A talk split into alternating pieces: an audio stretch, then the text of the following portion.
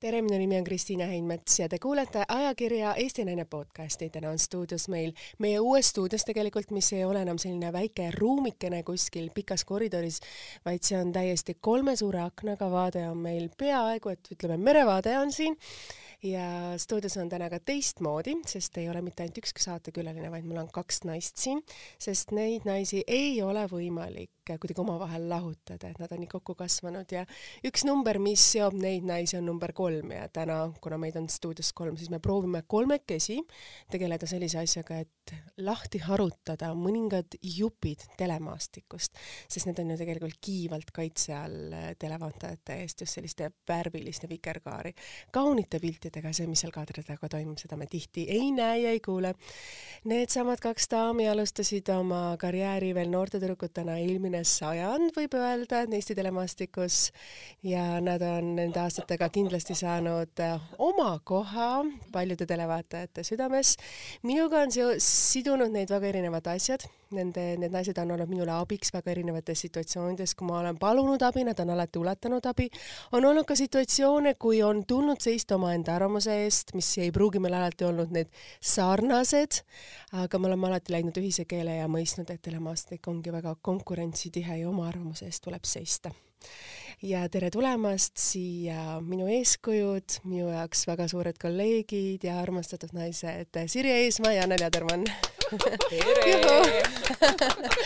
see juhatus oli nii pikk ja uhke ja tõesti kolmekesi me siin uues stuudios ja. oleme, kolm on seltskond, nii et äh, seltskond tähendab alati ka toredat meelelahutust ja inspireerivaid mõtteid, et ma loodan, et äh, täna need kõik meid siin ees ootavad. me ei ole kunagi saadet alustanud aplausiga, aga täna see oli igati kohane juba peale selle uus stuudio. no täpselt, ma just seda, et uus stuudio, et täna võib sellist plaksutamist teha ka veel kordi, kordi ja kordi.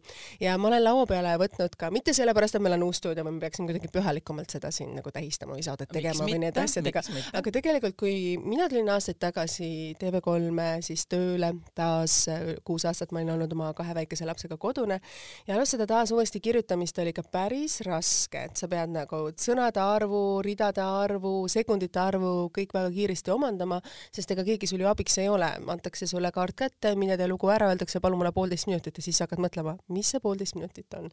ja nendel laupäevade hommikutel, kui siis mina olin tööl üksinda oma montaažis ja Sirje oli ju tihtipeale just nädalavahetuste uudistesaadete juht, siis ma seisin sellise, kuidas öelda, noore õpilase tundega seal, et mida siis see klassijuhataja ütleb mulle, et kas on sobilik tekst või ei ole sobilik või läheb ümberkirjutamisele ja samal kõrval oli meil suur kast pirukatega ja sellepärast ma need erinevad pirukad tõin, et lihapirukaid järgmiseks päevaks ei olnud, sest need olid juba reede õhtul ära söödud. aga seal oli piru, seda oli alati mingisugust eh, porgandipirukaid ja muid pirukaid, nii et need on täna siin laual.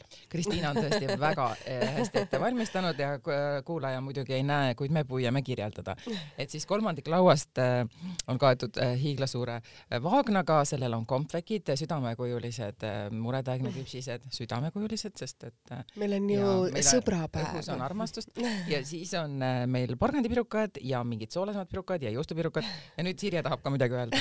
mina tahtsin lihtsalt öelda seda, et kui minna tagasi nendesse laupäeva hommikutesse, et Kristiina, sa saad ikka alati väga hästi hakkama, nii et äh, küllap sa sellest juba siis ka aru said, et ega ma sulle vist suuri märkusi ei teinud ikka teinekord öeldi küll, et no miks sa selle asja siia paned, et ikka tõsta see ikka natukene lõpupoole, tõsta see ikka lõpp siia ettepoole, et ikka nii päris ei ole, et ikka jäta need, need asjad ikka, paremad asjad pane ette, siis vahepeal on nii nagu ta on ja jäta see püant ikka lõppu ah,. oli jah? et ma, ma kippusin panema korralikult kõik asjad järjest. tubli, tubli õpilane, jätsid meelde siiamaani peas? no jätsin meelde alati, et noh, et vaadake, et ega telelugu sa hindad üles ühtemoodi. kui sa kirjutad nagu ajakirjanduslikku lugu, sa kirjutad üle teistmoodi. kooliesseed sa kirjutad kolmandat moodi ja ilmselgelt harjumuslik rahulikult lugeda lasteraamatuid kuus aastat, tegi oma töö aga see, Kristiina, et sa tõid välja selle, et noore õpilasena sa vaatasid äh, tähelepanelikult, kuidas Sirje tööd teeb ja kuulasid tema nõuandeid, et äh, teles ongi see ainuõige viis ja võimalik, et ka mujal meedias,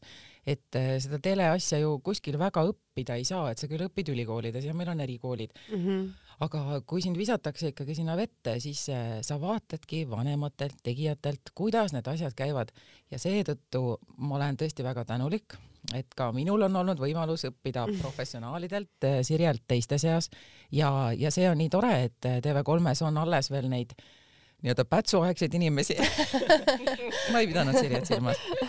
Felix unduski pigem seekord. vabandust, Felix. ja ja lisaks ka siis neid noori, kes just tulevad ülikoolist ja kes õpetavad sulle, kuidas sotsiaalmeedias poseerida. et, et seda kõike teles jah seda kõike leidub ja see mitmekesisus ongi see, mis vaatajaid köidab. nii et jah, me kõik oleme alustanud nii-öelda algusest ja nii põnev on kuulata just Sirje lugusid sellest, kuidas tema alustas, sest et kui meid visati ilmselt vette, siis nendel ikka natukene seda akadeemilisemat poolt oli rohkem või kuidas? Kui sina raadiosse läksid, Sirje, kuidas mina, see kõik algas? mina teeks parem ühe aplausi kõigepealt Sirjele, et äh, ja, meie mõlema poolt, kelle eeskuju sa oled olnud. ma tänan, ma aplaus. no kolm on ju, kolm on kohtuseadus. ma ei imesta, kui see lõpeb ilutulestikuga saade täna. no siis tuleb tellimus teha siin väikselt äh, Facebooki kaudu, et kas äh, muretsetakse meile siia akna taha ilutulestikud. aga see selleks, aga tegelikult Anneli, sul on väga õigus, et hakkamegi alguses siis pihta seda lõnga harutama, et et Sirje, sina ju tegelikult sattusid hoopis ju ETV-sse ja erinevatesse raadiosaadetesse alustuses. et see, kus sa täna oled ja see nimi, millena, millena sind nagu tuntakse täna on nagu hoopis teine ju tegelikult see, kus sa alustasid. no see on lihtsalt üks asi on viinud teiseni, et tegelikult ma olen lõpetanud selle tänapäevase nimega TalTech mm -hmm. ja, ja ma ei oleks nagu, nagu üldse see õige raadio või televisiooni inimene, aga, aga omal ajal mulle tundus, et ikkagi see õpitud eriala mulle nagu väga ei istunud ja siis minu abikaasa ütles, et kas sa tead, et näed, Eesti Raadios kuulutati välja diktorite konkurss, et kas sa ei tahaks minna. ja mina, kes ma olin ikka lasteaiast saadik juba esinema pandud ja koolis ja puha ja siis ma läksingi proovima, suur konkurss oli, aga noh, õnneks ma siis sain siis vastu võetud ja, ja aga ega siis ei saadud, ei lastud niimoodi eetrisse lihtsalt niisama siis ma tean, et äh, mulle helistati üheksandal veebruaril, et, et sa oled vastu võetud. Ja, ja siis ma käisin äh, nii-öelda koolitusel ja hääle ja, ja sõnaseade koolitusel käisin kuueteistkümnenda juunini, mul on nii täpselt need kuupäevad meeles ja siis Einar Kraut oli see, kes eh, põhiliselt, kes siis mind, mind õpetas ja siis kuueteistkümnendal juunil oli mul see austav päev, kus ma siis sain, sain raadioeetris oma sõnad öelda, no ja sealt läks edasi, siis äh, Lilian Põldre kutsus mind Eesti Televisiooni ühte lastesaadet juhtima üheks aastaks, kui Eve Viilup oli äh, Eh, väikelapsega kodus ja siis jäi jälle natukene vahet ja siis, eh, ja siis, kui Enn Eesmaa oli Aktuaalses Kaameras peatoimetaja, siis ta kutsus minu sellepärast, et tema läks siis sellele Soome süsteemile üle, et mm -hmm. oli nagu kaks ankrut, mees ja naine ja tal oli pool naist puudu.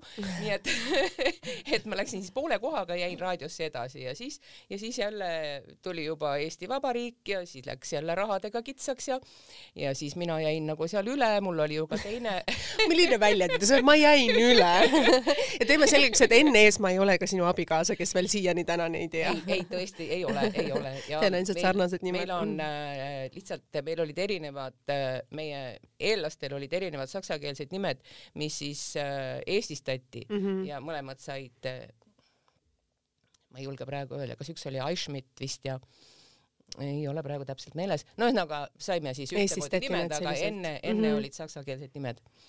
ja siis, ja siis oligi see parasjagu see Eesti Vabariigi sünniaeg ja kui, kui tehti äh, Viktor Sillats tegi EVTV ja siis mind kutsuti sinna ja millised siis... nimed ja siis ma olin seal ja siis EVTV läks kokku ühel hetkel TV3 te, mm, RTV-ga ja siis moodustus TV3 ja mm, -hmm. ja seal ma siis nüüd olen. Nagu... ja TV3 moodustus kuuendal märtsil aastal tuhat üheksasada üheksakümmend kuus ja just sel Aha. aastal saab TV3 kahekümne viie aastaseks. no vot, Annelil on kõik numbrid peas. no ilmselgelt see on Anneli töö ja kohustus seda teada siis ma arvan, et need pidustused lavastused ja kogu need tegemised, mis nüüd TV3-s on toimumas ja toimuvad, on ju sinu, kuidas öelda, taktikepi all vähemalt siis see, mis jõuab avalikkuse ette, et sealt majast Jaa, ükski asi ei jõua enne välja, kui sina jah ei ütle. Sest mingis osas kindlasti, sest et praegu ma tegelengi avalike suhete juhtimisega ja ka isiklike suhete juhtimisega, kui on tõr tõesti tarvis. On mure või tõesti on vaja pirukat. aga, aga ja, ja meil on juubeliaasta käimas, nii et see on ka tore, et me just praegu siia sattusime, et sa kutsusid meid, sest et juubeli juubeliaasta auks on mitmeid põnevaid projekte käsil ja, juba on alanud meil siin duubli erinädalad, aga üks kõige ilusam asi selle aasta algusesse on kindlasti Eestimaa uhkus. ja, ja ka sellega meil on Sirjega selline väike touch ma tean, et te olete olnud, ma olen ise olnud selle saate produtsent, ma olen ka täna ja te olete olnud siis kordamööda järjekorras saatejuhid või teinud siis toimetajatööd siis olenevalt aastast. ja minul on olnud siis see au, kes olen teid riietanud ja ma mäletan nii mitu korda, kui viimasel hetkel oli vaja neid kingi sinna juurde ja neid ei olnud neid sobilikke ja siis ma kaubanduses neid käisin otsimas, ma mäletan, ükskord oli see turvall, aga väga külm oli, väga raske oli, ma mäletan seda, mul oli turvall käes ja siis ma käisin otsimas Sirje sulle kingi. Õnneks mul siis oli vaja mingit erilist bluusi, mis oli must, mis oleks hästi selline noh, nagu sobiks sinna, see oli meil kodus olemas, aga kingadega, vot sellega ma sind aidata ei saanud. aa, aga sa oled kandnud ka minu kingi kusjuures veel. mõningaid jaa, aga selles, neid värve mul ka kodus ei olnud, nii et jala suurus oli meil üks. ei, see on tõesti tore, mulle meenub ka ja ma just otsisin ähm, Eesti Muhkuse arhiivipilte, et, et kuidas Kristiina meid seal stiliseeris ja müts maha, ütlen selle peale, me tulime täna Sirjega kübaratega siia. Ja võtan praegu kübara lauale, sellepärast et äh, Kristiina, tõesti, sul on väga hea pilk, äh, mis puudutab neid stiiliasju ja, ja ma nüüd punastan. See on tõsi, sest et äh, eks ma mäletan, kui ka mina olin seal Eesti Muhkuse galaõhtu juht, siis väikeste vahenditega äkki sellest tervikust kuidagi sündis ime, et ja ma mäletan ühte korda, kui mul oli juba nagu kleit valmis, aga miskipärast viimasel minutil Kristiina tuskas sisse ja tõi mulle, ütles, et see on Ivo Nikola näidisseelik, et see põhimõtteliselt modellil seljast rebitud, et see tuleb kohe tagasi viia. ja see oli selline kuldne plisseer, maani, no yeah. imeilus. ja mina just mõtlesin, et eh, kuidas siis nagu, kuidas ta märkas seda või et kuidas ta selle siis, millega ta selle kokku kombineerib. siis ta pani sinna mulle üles tumesinise jaki ja musta pika vöö ja siis ta rääkis, Kristiina nipid on nüüd, kuidas saledam välja paista, käärid käisid ülesse nagu Eesti naisel kohane, käärimiga käisid ülesse ja tööle kallale. Ja, ja siis, et jah, ta hõlmad pisut lahti eest, noh, okei okay,, seal galal seda ei olnud vaja, aga et Kristiina jagas ka selliseid nippe jah, kuidas istuda, astuda, kuidas seista, kuidas jääda pilti, sest et telepilt ju noh, see ikkagi on, see vajab ikkagi vaatamist. reetlik pigem just. telepilt on see, mis lisab alati kümme kilo, et kui sa vaatad kodust peeglist alati, et oi, ma näen täitsa ilus välja ja siis sa vaatad peeglist, issand jumal, need mu põsed. ja, et sa ütlesid kümme kilo, mina teadsin kogu aeg, et viis. nüüd ma saan öelda, et ma olen tegelikult nelikümmend kolm kilo. et jah, see kaaluasi on küll, et, et see telepilt nagu teeb selle nagu suuremaks ja laiemaks, sest kui telekaamera filmib, et tänapäeval on nad suht üks-ühele, aga ikkagi siin see kümme-viisteist aastat tagasi või kakskümmend aastat tagasi ta tegi ikkagi laiemaks. et oli parem, kui sa oled kitsama näoga, ma mäletan, et ma olin laia näoga, siis ma alati proovisin kuidagi ennast niimoodi sättida, et mu nägu tunduks kitsam. põsed lahku no põhimõtteliselt. ja no vot, Kristiinaga nüüd me saame rääkida ka, et mis siis teles töötab näiteks, et kui sa tuled stuudiosse, et äh, tänapäeval on ju noh, põhimõtteliselt äh, igalühel on see võimalus, et äh, keegi tuleb tänaval juurde või kutsub sind kuskile saatesse või publikuks kasvõi, et mida siis selga panna, et võib-olla siis Kristiina saab siin Eesti naisele öelda, et mis see kõige ilusam on, sest et eile just meil oli sellest teema ja rääkisime, et, et roosa on ikkagi eetris väga ilus ja, ja ka kollane ja sellised puhtad värvid mõjuvad väga hästi. ja väga hästi, eriti sinise taustal ju. no just, aga et kui sa paned sellise kribu-kräpu ja, ja täpikese, et siis see hakkab vir-, virvendama ja, ja see ei ole sugugi nii hea ja just ka meeste puhul näiteks, mehed ju tihti tulevad poliitikud jutusaatesse, eh, lips eh, säriseb, ülikond säriseb, et eh, noh, see on mõnes mõttes vähetähtis fakt, aga samas kes teab rahulikkus öeldakse, et telepilt peab olema rahulik selleks, et sa ise välja paistaksid, see jutt paistaks välja. et see, kui sul on kirju või sibru-säbru või sits-sats on sul seljas, siis see võtab selle, kuidas öelda, selle tähelepanu, tähelepanu ära täpselt, et noh, Sirje, sina tead ju eri, eriti, et kui ma sind TV3 ajal ju riietasin, et sul olid ikka väga omad nipid, et eh, ma panin nii mõnegi kõrv, kõrva taha, sest täna mul läheb ka nende kasutamist aha, juba vaja. ma ei oska ühtegi välja tuua, aga ma neid siin ei hakka rääkima, need on väga naiselikud tegelikult sellised väga spetsiifilised salajad, asjad, et, et mis ma nagu tollel ajal vaatasin, et oo, äh, nüüd on täna endal ka juba vaja, et, et sellised väike, väga väiksed detailid, aga vahetame nüüd teemat. Anneli, sina ju sattusid samamoodi televisiooni puhtjuhuslikult, sa oled ju Pärnu tüdruk, õppinud hoopis teist eriala Just. ja nüüd televisioonis. ja, ja mõnes mõttes praegu kuulates Sirjet, ma isegi tundsin, et äkki on meil isegi see algustus sarnane, sest et mm. sattusin mina ka konkursile ju, küll mitte telekonkursile, aga minu klassiõde Pärnu eh, teisest keskkoolist, Kairi, kutsus mind kahe takti saatesse kaasa. kaks takti ette, siis Eesti Televisiooni konkurss, mina läksin kaasa ja sain äh, saatesse. Saatest äh, publik hääletas mind poolfinaali ning äh, publik hääletas mind ka rahva lemmikuna finaali hoolimata sellest, et ma ei osanud eriti laulda. aga no ma ei tea, mis see siis oli, võib-olla see oligi tõesti minu imeilus kohe valusseelik ja mis seal Valentina Tvisti laulus meelde jäi. aga nii ma sattusin ja Jüri Pihel kutsus mind pärast seda saadet juhtima noortestuudio NJP, nii et ma olin aastakese Eesti Televisioonis ja siis sattusin omakorda jällegi konkursiga, läksin jälle konkursile, vaatasin, et teeks midagi põnevamat edasi ja siis just EVTV, millest Sirje ka enne rääkis, oli loodud. sattusin EVTV-sse ja sealt edasi TV3-e ja no seal on siis olnud see areng ikkagi pöörane, mm, alates siis diktorist, ilmateadustajast ja reklaamitoimetaja assistendist ja ma olen olnud oh, hunt Kriimsil võib öelda, TV3 Hunt Kriimsil selles mõttes. ja uudisteankur ja igasugu asju on tehtud. Ja nüüd siis jälle tagasi avalike suhete juht mõneks ajaks mis siis edasi? vot ei teagi, võib-olla ilma tüdrukuks tagasi siis kõik käib ju spiraali mööda. nüüd olen uuel levelil. et ja, ja, sest et televaataja ka vananeb, eks ju. et eh, ütleme niimoodi, et eh, keskealine televaataja tahabki endasugust ju näha eetris, et kuidas ta siis hakkama saab.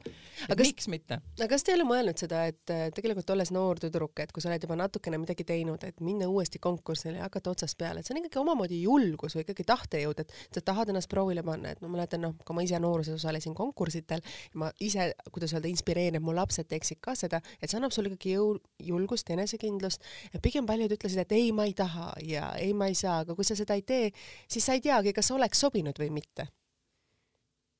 Et kui me mõtleme, teie olite ju noh, tollel ajal oli ju diktori konkursile minna ju ikkagi selles mõttes hulljulge ettevõtmine, et see oli kindlasti väga no, suur. ega, ega kaotada ei olnud midagi ju. no aga täpselt see väga õige mõtlemine, aga paljud mõtlevad, et noh, ma näiteks Kristel Aaslaiaga siin rääkisin, et samamoodi, et ma ütlesin endale ikka aastaid ei, enne kui ma siis ise läksin uuesti nagu julgesin konkureerida, et pigem, kus see enesekindlus teil nii noore naisena tuli, et sa olid ju Pärnus Tallinnasse. ma olin ju Pärnus Tallinnasse ja ma olengi mõelnud, kas see on see väikeste kohtade ühelt poolt naiivne muretus, et sa tuledki noh, kogemata lööd jalaga ukse lahti aga, aga see võib olla ka lihtsalt see, et sa üritad ikkagi ennast tõestada, sest mina mäletan, et minu vanemad ikka rääkisid, et sa pead saama kõrghariduse, sa pead saama ameti, sa pead elus hakkama saama. ja siis ma loomulikult ju pingutasin ja lõpetasin kooli ja mõtlesin, et ma tulen kindlasti Tallinnasse, ma pean saama ülikooli ja, ja saingi muidugi ja, ja kõik, mis sealt edasi tuli, et, et siis kuidagi see edasipüüdlikkus on võib-olla see, et sa tuledki sealt väikesest kohast ja sa nagu oled harjunud, sa pead kogu aeg edasi rügama, edasi rügama nagu see maa tuled sealt maalt ja siis muudkui rügad siin linnas ja vaatad, et eh, mis siin siis toimub, et kuidas sina sellesse pilti ennast kuidagi kohandad. Ja ega see teletöö, see on ikka väga stressirohke ja pingeline ja ma arvan, et et ega see ei ole üldse lihtne olnud, et kõik need ametid ka, et need on ikkagi keerulised ja sa pead õppima ennast äh, kuidagi tundma, et sa teaks, et sa siin läbi ei põle ja kuidas sa sellega oled hakkama saanud, et eh, telemaastikus on ju teada ja tunda, et iga mõne aasta tagant sa põled läbi, sest see intensiivsus on ju meeletu, et eh, ma mäletan ise, kui ma tulin sealt kodusest keskkonnast uudiste sinna toimetusse, see intensiivsus, mis seal on nagu meeletu, et eh, seda, see on kirjeldamatu, kui kiiresti sa pead kõikidesse asjadesse reageerima, tegema, mis mõnes mõttes on, kui see on sinu jaoks nagu hea, siis see adrenaliin on see, mis hoiab sind nagu, kuidas öelda siis, ree peal ja see, kui sa selle oled korra läbinud, siis see kihk seda kogeda aina rohkem või otse-eetri sellist võlu on ju see, mis sa, mida sa ei saa enam enda seest välja.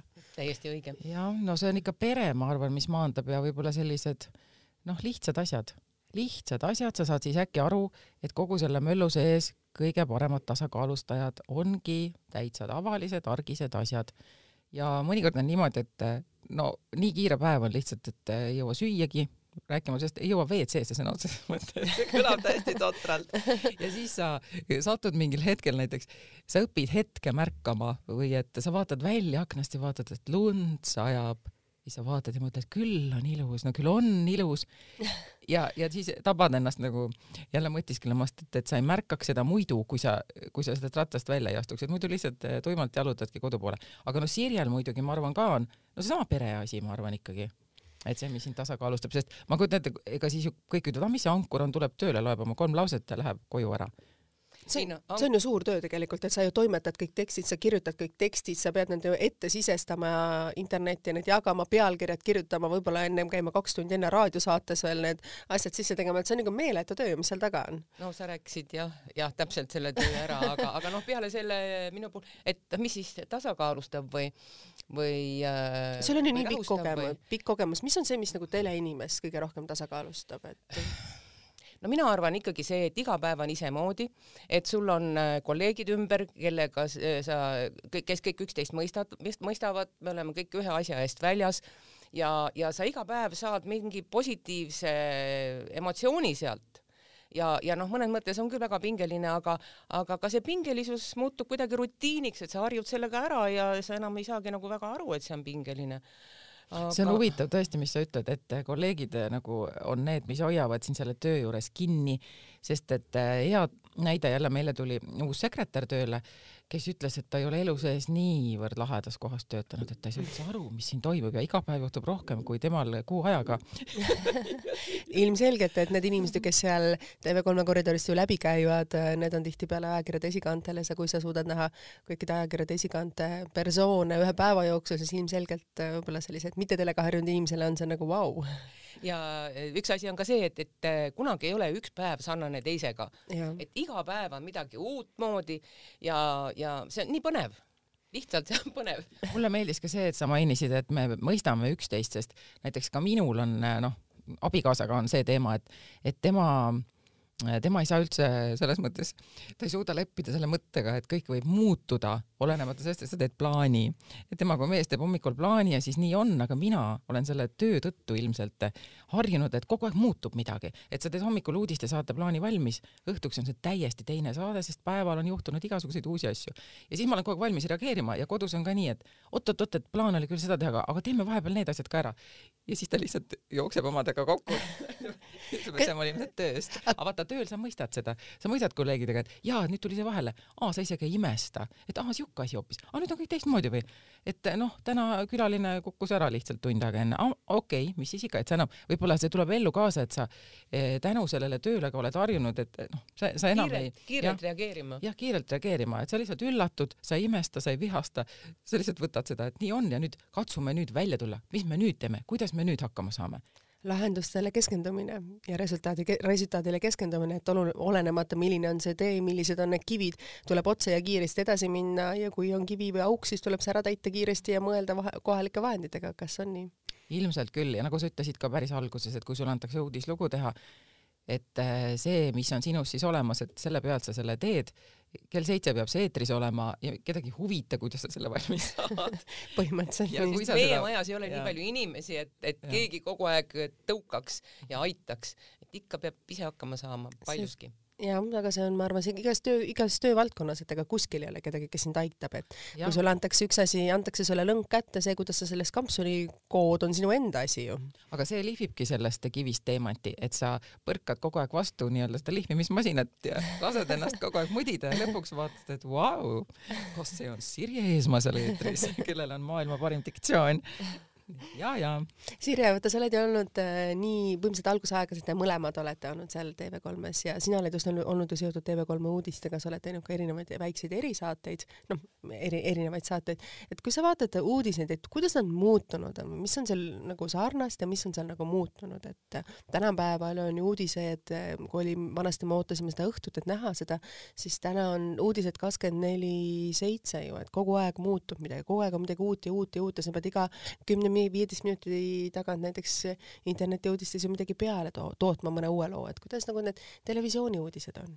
no eks see on täpselt samamoodi, et et äh, kui noh, minu algusaegadel oligi nii, et, et sa tegid seda ühte saadet, mida siis vaatajad vaatasid, kas siis seal AK-s või hiljem siis EVTV-s, TV3-s, et ikkagi äh, inimene ammutas sealt oma informatsiooni, võib-olla siis päeval kuulas ka raadiot, aga mm, -hmm. aga nüüd me peame sellega arvestama, et mida online meedia pakub ja, ja püüdma ka nagu, äh, no vaat ma ütlengi ka ega mm, -hmm. ega ma ei kujuta ette, kui kaua selline uudiste formaat üldse kestab, võib-olla kakskümmend aastat kestab, mis, mine tea, mis siis on, sest inimesed mm -hmm. juba praegu saavad vaadata ükskõik mis saadet, ükskõik mis kellaajal, et no me no muutunud võib-olla ongi see, et me püüame kogu aeg anda seda uut lisavärvi, et tund-tunnilt, mida rohkem saade läheneb, seda rohkem me püüame sinna midagi, midagi lisada, mida, mida veel ei ole teada mida ei ole veel netist loetud. kas teil endal ei ole vahest tunnet, seda informatsiooni on liiga palju, et me oleme nagu üle voolatud, et sa lõpuks tunned, et sa enam ei jaksa seda endasse ammutada, et sa jäädki mingi kindla niši juurde, et kui sulle meeldis üks asi, sa jääd selle juurde, et kui veel ma, noh, ma ise tunnen, et kui kakskümmend aastat tagasi, siis kakskümmend aastat tagasi sa suutsid veel nagu midagigi hallata, siis nüüd sa pigem oled omas valdkonnas, sest see kõik on nii suur, nii lai, et sa ei jõua sellega kaasas ka, eriti kui sul on veel pere ja lapsed ja ka natuke tahad eraelu elada. ja kui vaadata nüüd mm -hmm. neid äh, sotsiaalmeedia või mm, -hmm. või äh, online meedia pealkirju, siis ongi, mina loen läbi pealkirjad ja siis äh, noh, suurema enamuse ma jätan lihtsalt kõrvale, et noh, see ei ole minu jaoks, mul ei ole selleks aega mm -hmm. ja, ja siis võtan ainult selle, mida mul vaja on see selektiivsus on ja. tegelikult tulnud, läinud ju väga suureks. aga võib-olla see ongi jällegi iroonilisel moel hoidmas seda uudistesaadet elus, et seda öö, informatsiooni on nii palju sest eh, siis inimene ootab seda õhtust saadet, et talle tehtakse valik. et mm -hmm. see on mhm. nagu ema-isa ütlevad lapsele, et vaata, nii palju asju on, aga täna teed sina seda, et pro proovi et see on samamoodi, et sa kodus õhtul ootad, et et see uudistesaade nüüd ütleks mulle, mis siis nagu kõige tähtsam on sest et tihtilugu ju noh, ütleme tavaliselt ongi et esi, esiuudised ju kõik kattuvad, et need ongi kõige olulisemad, et sinu eest tehakse valik ära, sina ainult kuula. Ja siis, mis see lisaväärtus on, et vot sellest sõltub see siis, et kui populaarne on see uudistesaade, olgu ta siis TV3-s või mujal kanalites, et sa ütled ka, kuidas see mind puudutab, et kui näiteks täna on kolmkümmend kraadi mm, haljalas, kuidas see mind puudutab, et kui sa saad selle vastuse sealt ja et mida ma siis edasi teen, et vot siis sa hakkadki võib-olla selle saate fänniks, sest sa saad aru, sul on nii mugav ja mõnus noh, tänapäeval kogu selle jama keskel, et keegi ometi ütleb sulle midagi konkreetset, ütleb, et ära jää koju täna, ära mine suusatama, onju, et ma ei tea. keegi räägib sulle mm, -hmm. sulle loo ette ära, mida sa saad adapteerida iseendale ja rääkida ja. seda edasi selles mõttes, et nii on ju lihtsam, kui keegi sinu eest ette ära kirjutab selle, kui ise hakata kirjutama. ja sa ütlesid jälle huvitava asja, millest edasi minna, et eh, keegi räägib sulle loo, et äh, selline mõiste nagu story telling on hästi populaarne ja see ongi lugude jutustamine, et inimesed ei taha enam kuulata sellist uudist, et no ma ei tea, pension jälle ei tõuse. ja siis nemad tahavad kuulata sellist lugu, et, et ühesõnaga, et see lugu ei oleks niimoodi üles ehitatud, et äh, reporter ütleb alguses, et oleme siin Riigikogu ees ja vaat siin on nüüd minister, öelge, miks ta nüüd jälle ei tõuse, mis, nüüd jälle saab meie vanadest inimestest, vaid et lugu algab niimoodi, et on kaunis muusika, ja siis äh, ilmub selline talumaja, kus õues toimetab tore proua Leida ja siis äh, esimene spiik tuleb sealt, et tere, proua Leida, et kuidas teil läheb, et tema ütleb, näe, kõik läheb jube hästi, aga näe, pension üldse ei tõuse, onju. ja no mis siis nüüd saama hakkab, näed, ei saa enam siin lehmadele jõusööta osta. Ja et vot sealt hakkab see asi rulluma. Ja siis lõpeb lugu niimoodi, kus siis minister lõpuks ütleb, et no näed, et vaene leida, et hea küll, et tõstame siis seda pensioni.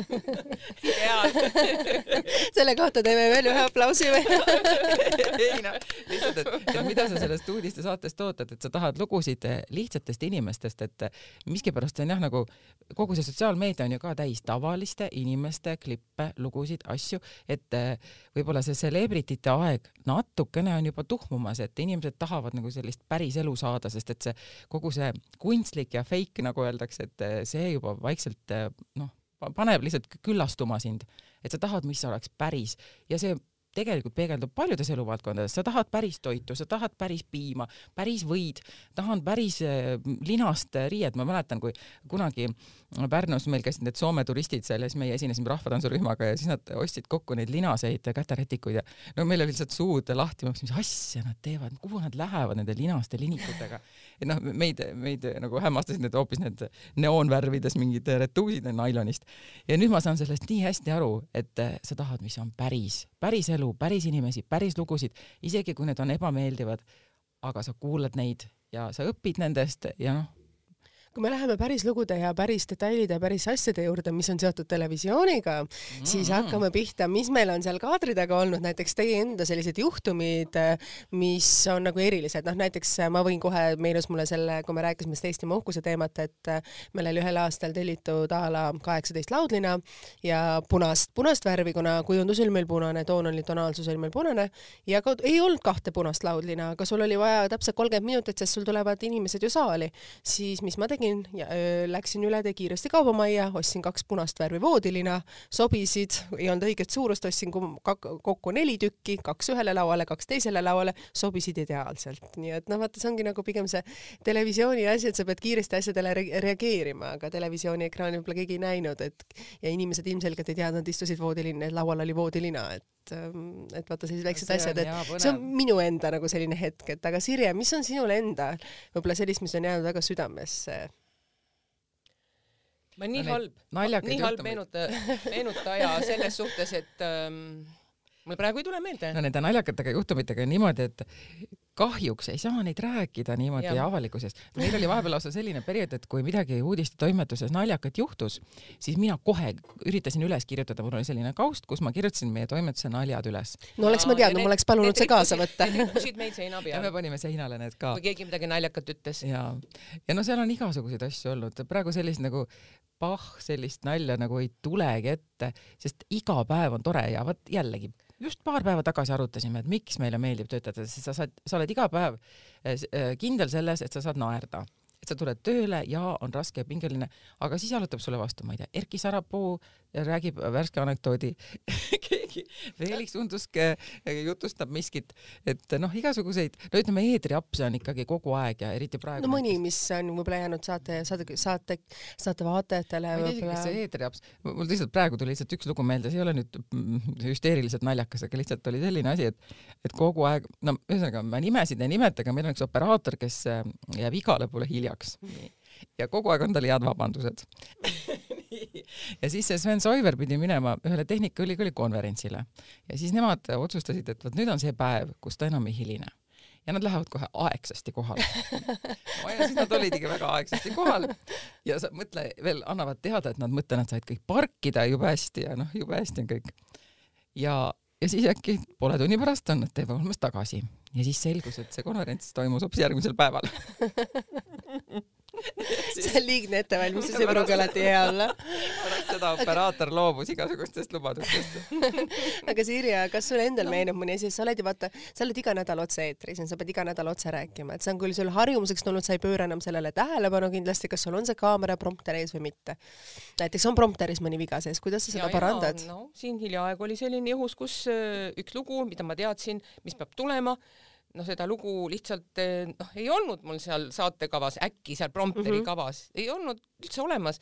Ja, ja seda ei olnud mul ka paberil, aga ma teadsin, et ta peab tulema, nii et ma ei saanud isegi paberilt seda, seda maha lugeda. Ja siis ma, aga no ma ikkagi mäletasin, nii et ma ikkagi eh, siis tuletasin meelde, rääkisin ära selle preambula, mis on siis tähendab eh, siis see juhatus? stuudio, stuudio tekst, tekst ja siis lugu läks käima ja kõik oli väga hästi, aga, aga noh, ja see nagu ei paista ka kusagile. no mul tuli üks, üks lugu meelde, kuigi seda on vist raske kirjeldada, et ükskord olin mina juba eetri valmis, istun siin stuudios, aga samal ajal toimus mingi mingi võistlusmäng, kus siis oli Hugo Hiibus oli kohtunik ja, ja seal olid mingid äh, sellised koduvideod ja üks väike laps seal midagi, midagi tegi ja siis Hugo ja, ja aga kogemata pandi mind äkki äh,, äkki eetrisse selle loo asemele. Ja mina samal ajal otsustasin, et, et ah, et see vest mul siin peal ikkagi ei ole nagu ilus, et ma võtan selle ära. Ja ma riietusin niimoodi lahti. aga, aga Hugo Hiibus. Nägi ju seda pilti, mida see laps seal tegi. Ja siis vot see on nüüd küll õige tegu, et see on tõesti väga vahva vahva, mida me nüüd näeme. No üks selline asi, üks selline lugu. no eks nende tekstidega on ikka olnud nalja, ma arvan, et eh, mina mäletan, kui mina olin ankur, siis mulle mõnikord lausa kirjutas toimetaja nalja pärast sisse apsaka ja et vaadata, mida ma teen. Ja no oli naljakas küll. Ja veel see... oli, toona oli veel kaks ankrut, eh, siis me olimegi Sirjega niiviisi paaridena, siis oli too formaat, kui äh, oli Marek Lindmaa ja Sven Soiver ja siis Siri Esma ja Anneli Tarman, mina siis ja vahetasime paare niimoodi ja Marek ju no muidugi meister selle peale, et no ma ei tea, kui te praegu eetris teda vaatate, ta teeb sotid selgeks saadet, et on siuke hästi asjalik ja kui ta eetris on, siis ta on siuke hästi välja peetud. aga no tegelik, ütleme niimoodi, tema teine pool on see, et ta räägib vahelt, vahetpidamata anekdoote. ja siis, kui läks uudistes lugu peale, siis meie kaheksa ankru laua taga, noh, ütleme, see lugu on mingi poolteist minutit. ta jõudis täpselt ära rääkida niimoodi, et anekdoot just lõppes, oli kohutavalt naljakas ja siis tuli kohe jälle otse otse-eeter ja no katsu siis seal tõsine olla, et sellega ikka sai teinekord ikka päris palju nalja, et ja tal olid need Chuck Norrise anekdoodid põhiliselt. üks oli see, et kuidas ära tunda õiget äh,, ei, kuidas ära tunda vale naist. Valel on lühikesed jalad. okei okay,, see polnud Chuck Norrisest. Aga no ühesõnaga ja siis, kui ta just selle on lõpetanud, et siis on hästi lõbus kogu aeg. Aga no ütleme nende otsesaadetega ongi see, see televõlu tulebki välja nende otsesaadetega, et sa ei tea, mis juhtub ja ma arvan, vaatajal on ka nii põnev kogu aeg ja aga mul tuli meelde üks Maarjamäe lugu oli ka otsesaade, Mart Mardisalu tuli äh, lehvivi hõlmu, no meil oli Maarjamäe lossi õues äh, suvestuudio mm -hmm. ja suvine, suvine, suvine, suvised seitsmesed vist on ju. ja suvised mhm. seitsmesed ja mina olin siis produtsent. seal ja... oli alati väga tuuline, ma käisin ka paar korda teil stuudios, seal oli Maarjamäel väga suur tuul ja.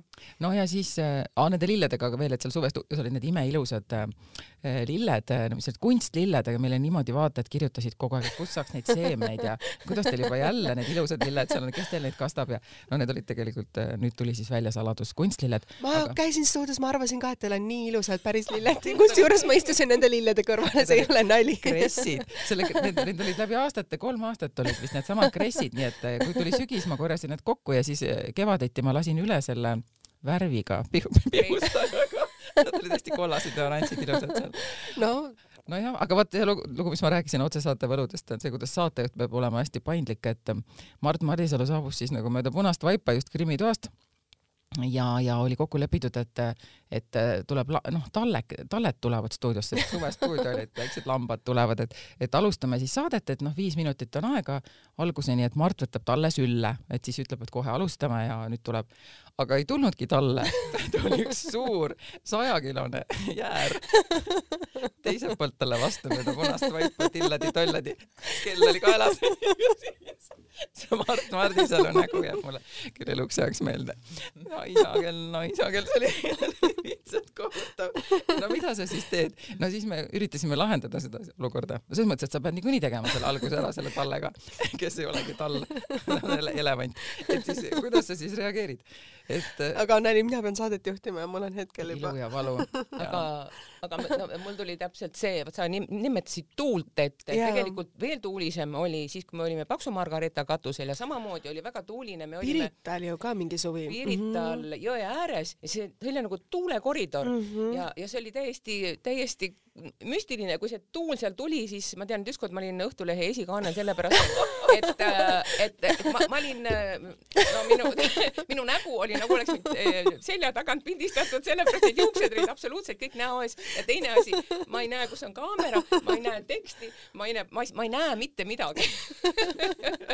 Ja mis siis kasu on sellest grimmist ja meigist ja kogu sellest sättimisest, kui see parukas kuidas sa selle olukorra lahendad, sul on ju tegelikult juuksed on ees, sa ei suuda neid ära võtta, sa pead ju rääkima. No, kaamera käib, see on otse-eeter, kuidas siis, siis?? ju siis ikka katsud kuidagi ja midagi ja midagi on meeles ja ikka räägid, no mis sa teed siis vaatajal nalja.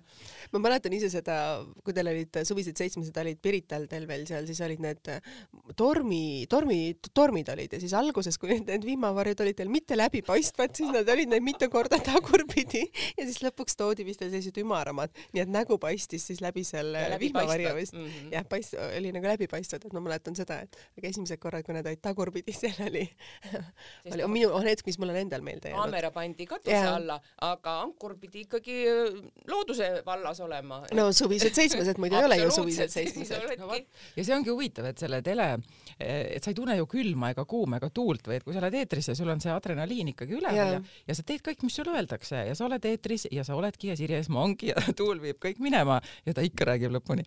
ja no ma mõtlen, et mis mina ise tänu telele ju ka kunagi tegime bensihüpet ja nüüd sellest oli ka hiljuti alles juttu meenutustega TV3 algusaastatele ja ma reaalselt eh, praegu mõtlen, et ma elu sees ei teeks seda hüpet, et kust mõistus tuleb appi. aga kuna režissöör ütles, et teie teete Teet Margnaga selle tandemhüppe, siis ma olin ju kohe nõus. et kus, kus see mõistus lendab minema lihtsalt sel hetkel, kui sulle antakse tööülesanne, et nüüd lähed, nüüd teed ja teinekord oli, kui tegime korstnapühkja lugu ronisime selle kolmekorruselise Nõmme maja katusele korstnapühkija väledalt ees ära nagu orav ja mina kleidiga järel ja operaator ka veel taga, selja taga mul. ja siis seal balansseerisime seal katuseharjal ja see oli, see oli reaalselt õudne. ja kui ma praegu pilte vaatan, mõtlen, et see on lihtsalt tõesti sul nagu tekib mingi teine dimensioon või sa nagu lülitud ümber, et sa oled nüüd tööl, sinuga ei juhtu mitte midagi, onju. ja niimoodi läheme ja start. siis kui saade läbi saab, siis mõtled, mis nüüd sai. ja mis oli veel kunagi tore, kui me jälle jälle, vot oligi too paari, paaride aeg jälle Sirjega, et me olime mõlemad kuidas see üldse võimalik oli või? niimoodi, et me olime nagu mõlemad ära ja siis oli see mm, vulkaan purskas seal Islandil. Eyjafjalla jökull. jah, Eyjafjalla jökull ja siis Nende, nende sõnade hääldamine võttis aega, need on siiamaani meeles.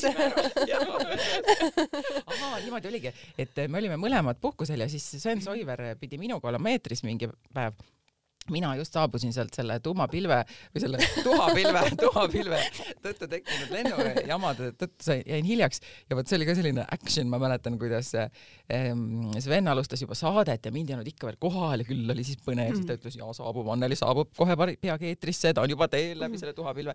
no ja siis jõudsime kohale ja küll siis oli jälle tore, et noh, selline elu mängib nagu seda otsesaatele sellist põnevust juurde kogu aeg. mul on endal on. me olime Norras siis. olimegi Norras. me ei olnud mitte lihtsalt Pärnus, vaid me olime Norras jah, ja siis sealt, kuidas me siis tagasi navigeerisime. Ja üldse me oleme nii palju reisinud koos, vaat nüüd saab võib-olla sellest ka natuke rääkida, et et eh, huvitav, kuidas meid töö on kokku viinud, et meil on ka.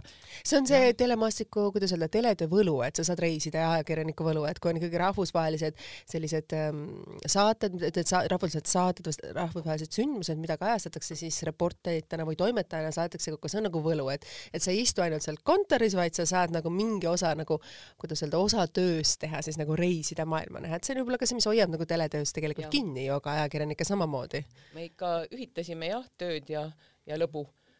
ja no meil viimane reis oli Hiinas, kus me Sirjega tegime lugusid kuidas, kuidas te nüüd sellise, selliste ideedeni nagu jõuate, et kas teil on nagu toetajad olnud või te ise otsite endale toetajad, sest need ju tehakse erinevalt, et noh, ilmselgelt reisisaade ei ole ju suur produktsioon, millesse telekanal ju investeeriks väga suuri summasid. reisisaated on ikkagi sellised, sa pead ise äh,, kuidas öelda, balansseerima selle hea kvaliteedi ja oma vaba aja ja muude detailide vahel, et kuidas te seda olete teinud, kui sa ütlesid just, et olite Hiinas, tegite lugusid? Too hetk oli ja. meil küll toetaja taga ja Siret ja Jano Seeder, nad, nad korraldasid niivõrd toreda programmi meile ja nad pakkusid võimalust kaasa tulla ja seda kajastada mm -hmm. ja just mitte nagu suure erisaatena nagu mingi reality mm -hmm. nagu mhm. Kaks kanget, noh, me olime ka parajad kaks kanget seal, aga et me lihtsalt saime võimaluse, nii et äh, nemad põhimõtteliselt korraldasid meile selle reisi ja siis seal tegime tööd no see oli puhas rõõm. ja läbi ja. selle töö sa saad ise ka rohkem ja, teada täpselt. kui tavalisel turismireisil. aga noh, muidugi fakt on see, et kui sa ikkagi lähed sinna tööd tegema siis, siis tegelikult mingit nagu puhkuse mõtet sul eriti peas ei saa olla, sest et õhtu kell üheksa klaas veini ja see on kogu su puhkus ja. tegelikult või siis öösel salaja jalutad linna peal, et see tegelikult on, et sa lähed jah, et telemastikus on, et sa lähed, sul on kaamera siin, kaamera seal, see on küll huvitav, sa näed, mida, mida sa muidu ei näeksid, ei näeks nagu tava, tavaturistina või tavainimesena seal riigis olles, aga ilmselgelt sa teed seda tööd ja sa näed täpselt seda kitsast ringi, milles sa pead ka lugu tegema, et see on selles mõttes kahe otsaga asi tegelikult ju. seal Hiinas oli veel niimoodi ja, ja ma, ma tahtsin meenutada seda eestlasest inglise keele õpetajat, kes seal töötas ja elas koos oma pojaga ja siis oota Anneli räägis. ja vot see oligi niimoodi, et jällegi, et, et meil mida, olid pikad päevad et nagu. et küsi, ma küsisin, et noh, et mida me toome sulle ja tema tahtis purgisuppi see oli tema eluunistus, et saaks purgisuppi ja ma ei mäleta, mitu neid purke oli, aga, aga me ju sõitsime ühest linnast teise yeah., mm -hmm. me vedasime need purgisupid kohvriga, kohvriga, eks ole, ühte hotelli, siis teise jälle hotelli. tagasi ja siis järgmine koht jälle teise hotelli, nii et meil oli ikka mitu, mitu erinevat kohta, enne kui me jõudsime siis selle selle poisi äh, linna, kas sa ütled, see oli Shanghai Purg,? purgid jõudsid siis ütleme toodud äh, inimesele või need läksid enne vahepeal katki? ei, ei, ei, ei jäid terveks? kõik jäid terveks. ja see oli väga tore seiklus, et see oligi. peale selle me juustu viisime. juustu viisime ka, no selle, tähendab selle jätkuks öelda siis, et kui on terve päev, sul olid neid ähm, just Hiinast konkreetselt rääkides, et meil oli nagu terve programm mööda neid äh, müüre ja, ja muuseumi ja siis, kui kell sai üheksa, siis me ei saanudki võtta veini, vaid me läksime järgmisele võttele nende kohalike kohalike eestlaste juurde ja üks neist oli siis nimetatud noormees, kes tegelikult on juba keskealine ja kes elab Hiinas ja, ja temal oli jah Sirjel siis kaasas purgisupid ja see oli ikka nagu komöödiakuubis, et ta ütles, et need on kõige paremad toidud üldse, mis ta saanud on. ja Sirjel oli veel suur-suur Eesti juustuse ümmargune kang yeah., mis oli mm -hmm. nagu, nägi nagu servamata laud välja, ta oli nii lömmi läinud et ta oli tassinud seda läbi tolli ja kõike ja, ja noh, et, et see siis nagu kõrval, kõrvalnähud aga, aga mis on võib-olla need telesaated, mida teil on endal siin kahekümne viie aastaga meelde jäänud seal näiteks TV3-st, et te olete ise olnud mitmetega seotud, aga mis on nagu eredamad hetked, et äh, on väga suuri produktsioone olnud, võib-olla isegi siin kakskümmend aastat tagasi olid ju suuremad produktsioonid kui täna, nende vaadatavuse reitingud olid ju suured, sest teleteles, teles ju hinnatakse seda saadet üldjuhul sellega, et palju inimesed vaatavad, mis on ta kvaliteet, äh, mis on ta reiting, et noh, ka uudistes on ju tegelikult see, ma mäletan seda aega, kui seina peal oli kirjutatud nii, sellel kanalil on see reiting sellel kellaajal selline, selline ja kõik need numbrid olid seal taga ja siis tuli see, kuidas öelda, see peatoimetaja, kes pani käed puusa, ütles nii. Ma mäletan veel omal ajast, õnneks minu, minu mood siis ei kvalifitseerunud väga sellistele näpuviputustele, aga nii mõnedki korrad need olid, et miks meil ei ole see asi nii ja miks meil ei ole naa, et et kuidas te nagu ise mäletate, et mis on võib-olla telesaated, mis on teile nagu endale hinge jäänud rohkem minu jaoks, minu jaoks on number üks on ikkagi seesamane Eestimaa uhkus, millest juba juttu oli, sellepärast et need inimesed, kes äh, kelle me välja valisime, need on nii erilised, nad mitte kunagi ei äh,, ei figureeriks muidu kuskil, nad ei ole Õhtulehe esi, esilehel või, või mul tuleb meelde üks, üks proua, kes oli umbes seitsmekümne aastane, kes tuli esimest korda ja kes oli nagu kohapeal külasäde, tähendab, ta oli selline aktiivne inimene, ta aitas teisi, ta mõtles midagi välja, ta korraldas ja ta tuli sellele galale Tallinnasse ja see oli tema elu esimene kord, kui ta tuli pealinna see on täiesti uskumatu, et, et selliseid ta, inimesi tegelikult leidub Eestimaal. et, et ta oli tõesti aktiivne inimene ja mm. et, et sa kohtad selliste, kohtud selliste inimestega ja, ja see südamlikkus ja ka see, kes meile teatavad nendest inimestest, ka nemad on ju väga noh, südamega asja juures, nad on märganud seda heategijat, nad on selle kõik kuidagi kirja pannud eh, läbi oma südame, eh, et ähm, et see on lihtsalt nii südamlik, minu jaoks on see number üks. aga Anneli, võib-olla sa mõnda, võib-olla sa kirjeldad mõnda teist saadet, et muidu me oleme ühe saate põhises kuidagi jäänud, sest me oleme ise sellega Just, mingil määral seotud, et sul on ju see maskis laulja olnud ja näed, sinu nägu kõlab tuntud tuttavalt, siis vist olid Tantsud jääl, vist oli Kanal kaks või olite, või oli teie, teie, teil oli vist tantsud ja no vot, see ongi huvitav. Neid on olnud ju nii palju jaa, neid. no läbi aastate suuri..., no Eesti Muhkus on see, mis on kõige rohkem Superstaar, Superstaari saated ju olid ja vaata, kui palju on tegelikult on noori lauljaid ju sellest, äh, meie tänane uus mm pealekasv ongi ju tegelikult Superstaari saadetes praktiliselt ja, ja kui paljud on sealt ju tuuletiibadesse saanud. ja võib-olla teine, mis olekski, et selle Eesti Muhkuse kõrval, mis on niivõrd liigutav ja kuidagi hea, hea, hea, siis ma tooksingi need suursaated, need Eesti otsib superstaari ja Laulutähtedega ja Maskis laulja ja Su nägu kõlab tuttavalt ja kõik need suured asjad, mis on meelelahutus, millele ei tasu vaadata nina viltu, et mis see meelelahutus siis endast kujutab, vaid see on tegelikult see, mis inimesi ikkagi lahutabki sind nendest, ütleme, lahutab, lahustab ära sul need stressid ja, ja mured, aga et teles töötades ka, et kui iga päev, noh, argipäev, eks ju, me räägime siin töö ja pinge, et siis kui sa seisad seal finaalis Saku Suurhallis, kus on suursaate otsesaade mm, -hmm. kogu see melu, see rahvas seal, publik, teate, selline õhk, noh, muidu lähed teatrisse, on selline teatrilõhn, aga seal on selline otsesaate lõhn, kus eh, sõidavad kaamerad, kus lava peal on, ühesõnaga kõik on action, action, action ja siis sa seisad seal keskel ja mõtled, vau, kas ma päriselt töötan siin see on ju lahe, see on ju lahe ja see energia, mis sealt tuleb ja see läbi eetri jõuab kodudesse, et siis sa saad aru, et see ei ole niisama mingisugune su nägu kõlab tuttavalt, vaid superstaar. Ja, ja samas ütleme ka see Eesti otsib superstaari mis ilmselt nüüd ikkagi sügisel ka tuleb, vot praegu ei saanud ju koroona tõttu teha mitte midagi, sest et eelvoorusid ei saa korraldada. ja, mm -hmm. ja jube kahju, et ma arvan, et Superstaariga on jälle käes, et TV3 on ikkagi staaride maaletooja täitsa igast asendist, et, et vot seda saadet küll väga ootaks ja, ja mõelda, kui palju me oleme muutnud elusid, et kui palju see televisioon, et me muudame Eestimaa uhkuses inimeste elusid, sest me toome esile headust ja tunnustame neid lihtsaid, keda eks ju muidu ei märgata, aga super Superstaariga me anname täiesti uue alguse kõikidele, kes sealt saates noh, jõuavadki sinna finaali poole, et võtame järjest meil enda eetris ja äh, Luisa Rõivas, äh, siis Birgit Sarrap, Ott Lepland, ma ei tea, Karl-Erik Taukar, kõik, no tähendab, ma väga vabandan, et ma teen liiga nendele, keda ma ei nimetanud, aga põhimõtteliselt kõik, kes on finaali saanud, on ja, tegijad. et ja. tegelikult televisioonile on see võim, et ja. teha ühest tavalisest lihtsalt inimesest väga suur inimene, kes jääb aastateks võib-olla, kui tal ja. ongi see väikene edevuse geen sees olemas ja see olematu X-faktor, mida sa ei oska öelda, mis eristab ta juba sinna kümne hulka ja sealt edasi võib-olla televaatajate lemmikuks ja miks ta jääb ka meie südametesse nii kauaks, no Karl-Erik Taukar on kindlasti üks nendest ju, et ta ei ja. võitnud saadet ära, aga see, kui ta tuli uuesti uues rollis ehk saatejuhina, siis selle, see oli ju suurepärane no, saavutus. ma mõtlengi, et saatejuht tõesti. ja et, et me oleme justkui andnud õnge nendele inimestele, kes on hakanud siis kala mhm. püüdma ja see kalasaak on meile kõigile rõõmuks ja õnnistuseks, et selles mõttes on see väga-väga põnev elu on televisioonis ja sina oled ju tegelikult üks osa sellest olnud kogu aeg, et sa oled ju näinud, kuidas need noored tüdrukud tulevad, noored poisid ja. tulevad ja siis nendest saavad sellised superstaarid mõnes mõttes ju ja mõne aasta pärast on nad ju veel e, üle Eesti mõttes juba superstaarid, mitte ainult oma valdkonnas laulmises, vaid ka muudes valdkondades, et see on ju mõnes mõttes ja, nagu huvitav, see on nii tore seda näha. saad näha seda. ja see on nii, nagu ime, tõesti ime sünnib iga päev, ka otsesaade on ime igal õhtul meie silma all, et seal võib kõike juhtuda. et see on hästi tore olnud aga, aga no, ettevalmistused on tegelikult meeletud, et e, otsesaadest teha, ma ise, ise tean, et äh, noh, olles ise ka juhtinud neid või siis olles žüriis, Eesti Talent oli ka kunagi veel TV3-s, täpselt, et siis ma tean seda, et äh, kuna mina olen vaata naisterahvas alati olnud, siis ma olen olnud nagu meest toetav saatejuht, siis kui mees, mees saatejuht rääkis siis näiteks seal minuti asemel kolm, siis minul oli tekst ette pandud ja siis mulle öeldi, näidati heal juhul kahte või kolme näppu, siis see tähendas seda, et ma võin öelda kaks või kolm sõna. Ja siis, kui ma julgesin öelda täislause, siis selle peale öeldi, et mida ma tegin või öeldi, et noh, et me läksime reklaamipausile sisse ehk mina saatejuhina siis vedasin saadet alt, et tekitasin tehnilise probleemi.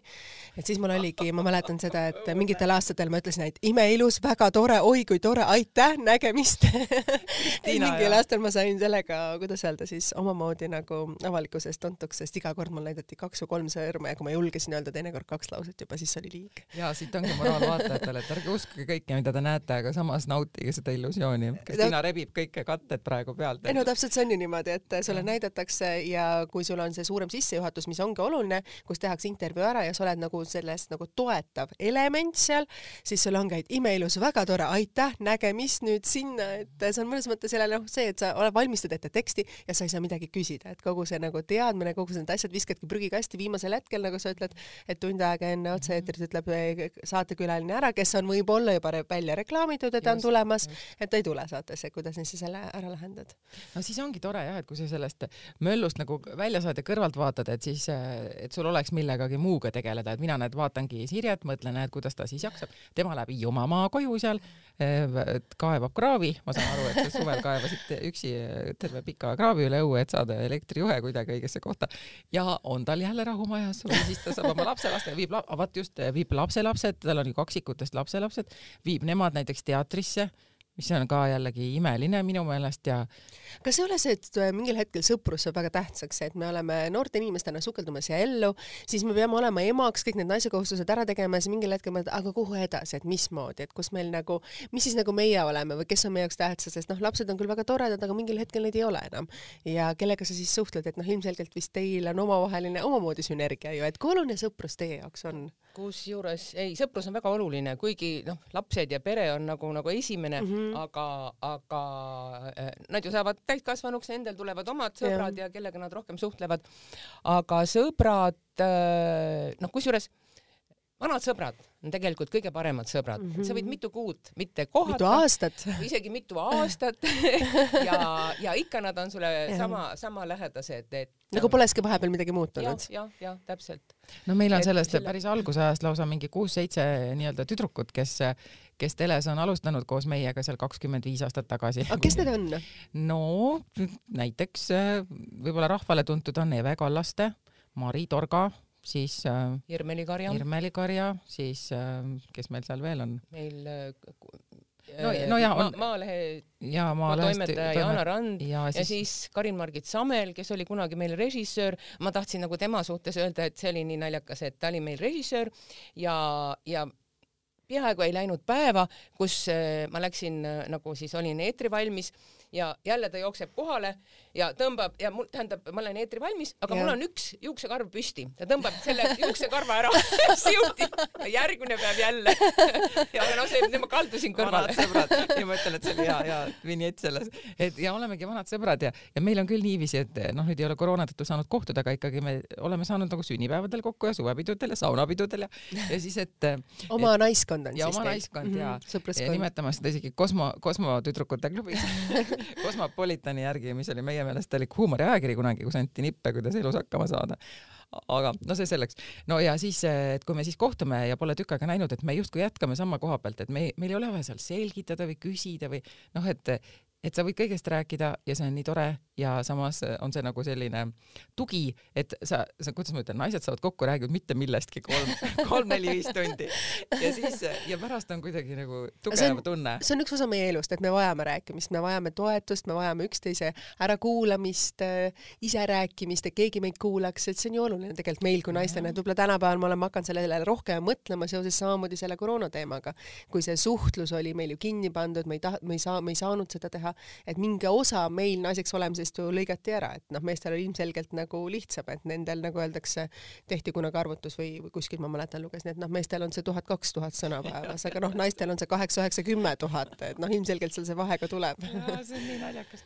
jah, see meeste-naiste maailm on äh, huvitav küll ja tore on seda tööl ka nagu näha, mis mured on äh, meestoimetajatel, naistoimetajatel ja kuidas see siis kõik äh, kokku match ib. mis need on siis näiteks, mis no, need erisused on? ma arvan, et naised ikka mõtlevad, kuidas nad välja ka näevad, kui nad eetrisse lähevad kuigi see ei ole esmane, et no mina küll mäletan seda, et tegelikult noh, see oli mõnes mõttes nagu naljakas, et, et enne jah, okei okay,, enne eetrit on ju alati see siuke tund, kus sulle tehakse peapesu ja, ja, ja soeng ja, ja siis kõik need mm -hmm. muud mhm. iluprotseduurid, aga et, et kui sa eetrisse lähed, siis mina unustasin ennast küll ära, no absoluutselt ma unustan ära, et ma mõtlen ainult, mida ma räägin, kuidas ma mm -hmm. sisu saan edastada, et kontsentreerumine. ja, ja no võib-olla võib-olla ongi selle välimuse peale läinud jällegi samas liiga palju sellist auru siin tänapäeval, et, et sa pead olema nagu ilus, ilus, ilus. Ja siis sa võid arvada, et sa saad kohe saatejuhiks, aga päris nii see ju ei ole, et pigem pigem see ei ole üldse nii. Sisu on tähtis. sisu, sa pead, sul peab olema seda sisu ja, ja seetõttu need näiteks kui ma vaatan neid ähm, Ameerika või välismaa või Inglismaa jutusaateid, et, et äh, seda sisu on seal ikkagi noh, kohati ikkagi tunduvalt rohkem kui meil jällegi kipub olema, aga samas need meie staarid on jällegi noh, kui nad juba on eh, nii-öelda tõusnud selleks armastatud ja lemmikuks, et siis, siis need on jälle kuidagi eriti toredad ja armsad ja kodused, et siis nagu, jällegi noh. nagu mm. väga lähedal meile, et me võime ja. neid eh, poes kohata, tänaval, igal pool, et noh, ta ei ole nagu kauge, meil on, Eesti rahvas on lihtsalt nii väike.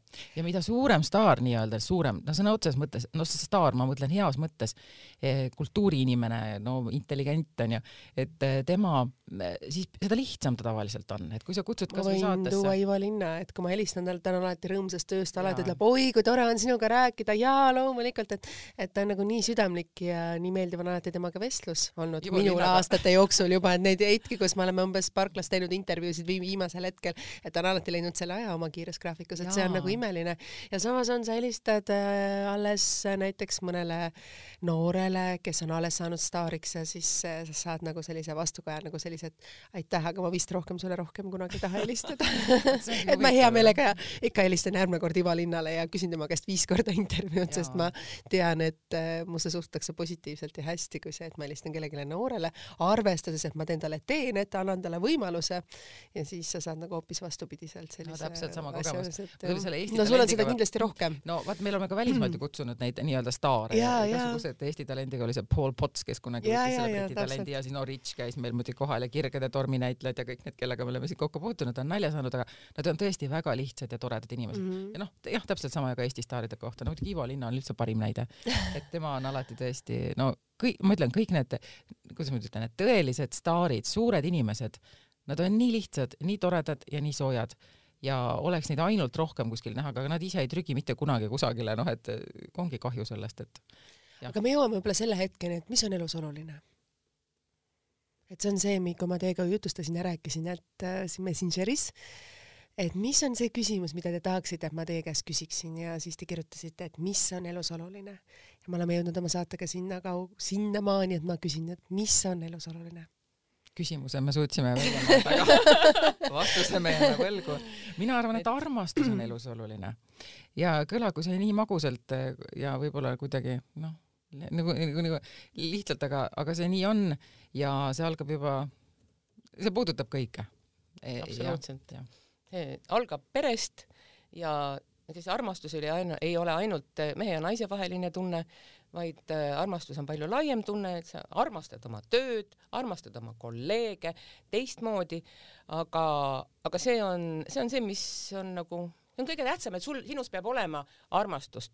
et ma nüüd natuke hüppan äh,, tahaks öelda nagu interneti kommentaaride kohta, et ma mõnikord neid ikkagi loen. Ja, ja, ja ma tahaks öelda, et armastus ja, ja südamlikkus ja heatahtlikkus, et ma ei suuda aru saada, mida need inimesed, kes seal, kes seal oma vihaseid ja sapiseid kommentaare kirjutavad, et miks nad seda teevad, miks nad ei suhtu ümbritsevasse armastusega ja Tõepoolest. mina arvan ka, et naine, just kui me räägime siin ka Eesti naistest, et ja naine ongi loodud maailma, et seda armastust jagada.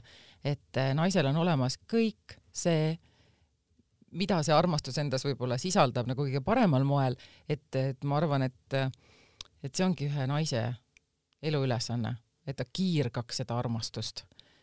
jube raske on seda teha kogu aeg, aga, aga ma arvan, et jah, et kui naine juba naeratab, siis maailm muutub paremaks ja mees ka kodus noh, jah ei viska neid sokke sinna, kus, okei okay, viskab, aga, aga rõõmsalt.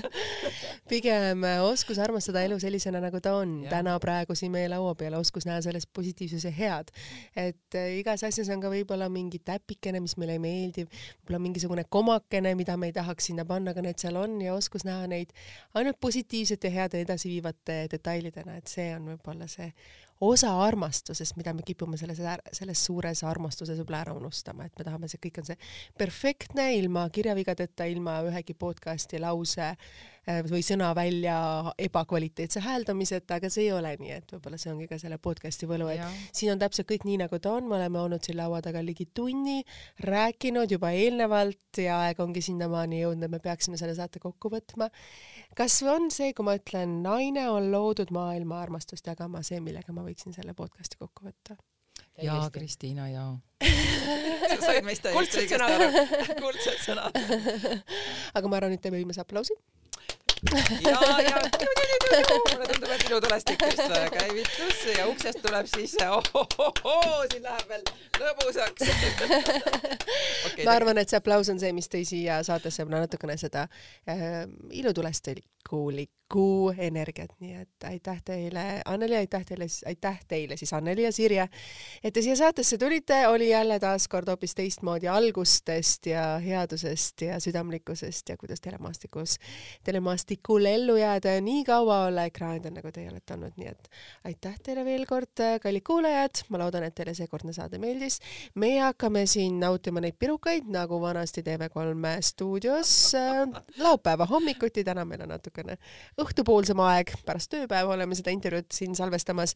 nii et aitäh teil kord, kallid kuulajad, me oleme, Eesti Naise podcast on siis kuulatav nii Spotify's, SoundCloudis kui ka siis Delfi, Delfi tasku keskkonnas. aitäh ja kohtume juba taas nädala pärast. kõike head! suur tänu!